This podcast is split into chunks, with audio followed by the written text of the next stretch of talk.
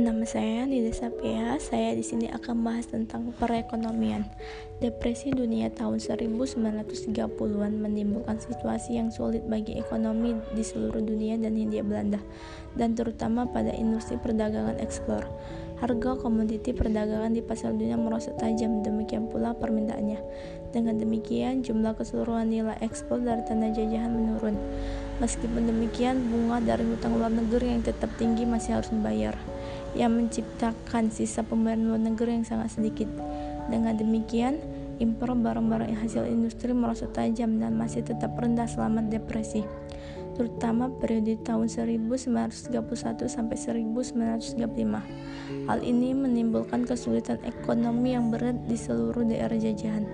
Hal itu juga mengakibatkan bangkrutnya banyak perusahaan perkebunan baik di Jawa maupun di Sumatera Timur. Situasi yang makin membaik terjadi pada tahun 1936 sampai 1937. Itu hanya terjadi selama satu tahun. Meskipun hanya membawa sedikit perbaikan pada kurun waktu menjelang Perang Dunia Kedua, yang menciptakan situasi yang jauh lebih parah dari ekonomi perkebunan secara keseluruhan. Tak ada tulisan yang komparatif tentang depresi di Indonesia telah ditulis. Karya singkat The Welbe dan Moll misalnya tak dapat dikatakan lebih dari sekedar survei singkat dari akibat pada ekspor dan kebijakan pokok pemerintah yang dilaksanakan untuk mengatasi krisis perdagangan. Penelitian ini memberikan keterangan sedikit tentang dampak pada masyarakat Indonesia. Satu artikel yang ditulis oleh Van Lonen berusaha mendekati pada tingkat makro pada masalah dari sudut pendagangan penduduk asli dan karya ini memberikan kepada kita suatu perkiraan yang berguna terhadap akibat depresi pada pendapatan berupa uang pada penduduk asli di Jawa dan luar Jawa. Ini semua memberikan isyarat adanya beberapa kesimpulan yang menarik tentang perbedaan dalam dampak keseluruhan pada setiap sektor. Tapi karena studi ini pada dasarnya adalah dilakukan untuk melihat pada tingkat makro, hasilnya tak banyak memberikan keterangan pada dampak terutama pada tanaman ekspor atau daerah di mana tanaman tersebut diproduksi. Dampak negatif pada Jawa dan India Belanda secara keseluruhan dapat diringkas menjadi empat hal sebagai berikut. Hancurnya harga dan permintaan komoditas internasional, adanya masalah dalam perusahaan tanaman perdagangan, khususnya karet dan gula. Krisis keuangan yang disebabkan oleh berkurangnya penerimaan dan belanja pemerintah, dan akhirnya akibat sosial ekonomi dan dari menurunnya secara tajam tingkat kesempatan kerja pendapatan dan daya beli masyarakat di seluruh pelosok negara. Kita akan menyaksikan bahwa ini semua menimbulkan dampak yang buruk terhadap seluruh aspek kehidupan di berbagai daerah di India Belanda.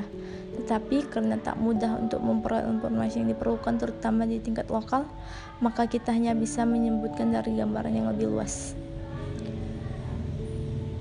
dampak depresi terhadap sosial ekonomi masyarakat pedesaan di Jawa secara keseluruhan atau Indonesia pada umumnya adalah jauh lebih pendalam. Tingkat kesempatan kerja pada semua sektor formal yaitu kerja upah menurun dengan tajam terutama dalam industri perekonomian dan kegiatan perdagangan kota pada umumnya. Dan upah diturunkan sampai sekitar 50% yang juga berarti menurunnya daya beli serta permintaan di semua kegiatan. Lebih dari 30 juta kesempatan kerja di perkebunan hilang. Dengan demikian, rangsangan ekonomi yang telah diciptakan oleh perusahaan perkebunan pada kurun waktu 1900 sampai 1930 secara membaik. Sektor perekonomian dan sektor pedagang sekarang justru menjadi sumber masalah bagi masyarakat Indonesia. Sekarang bukan untuk kesempatan kerja dan pendapatan. Meskipun demikian, tingkat pajak langsung terutama pajak tanah tak dipotong dengan demikian masyarakat masih mempunyai beran untuk mencari uang dengan berbagai cara. Menurut bangsa-bangsa ditemukan Alvan Lonen, jumlah uang diperoleh penduduk pribumi di Jawa menurun jadi menjadi kurang dari separuh penghasilan yang dulu. Demikian hasil perekonomian dari saya lebih dan kurang saya minta maaf, terima kasih dan sampai jumpa lagi.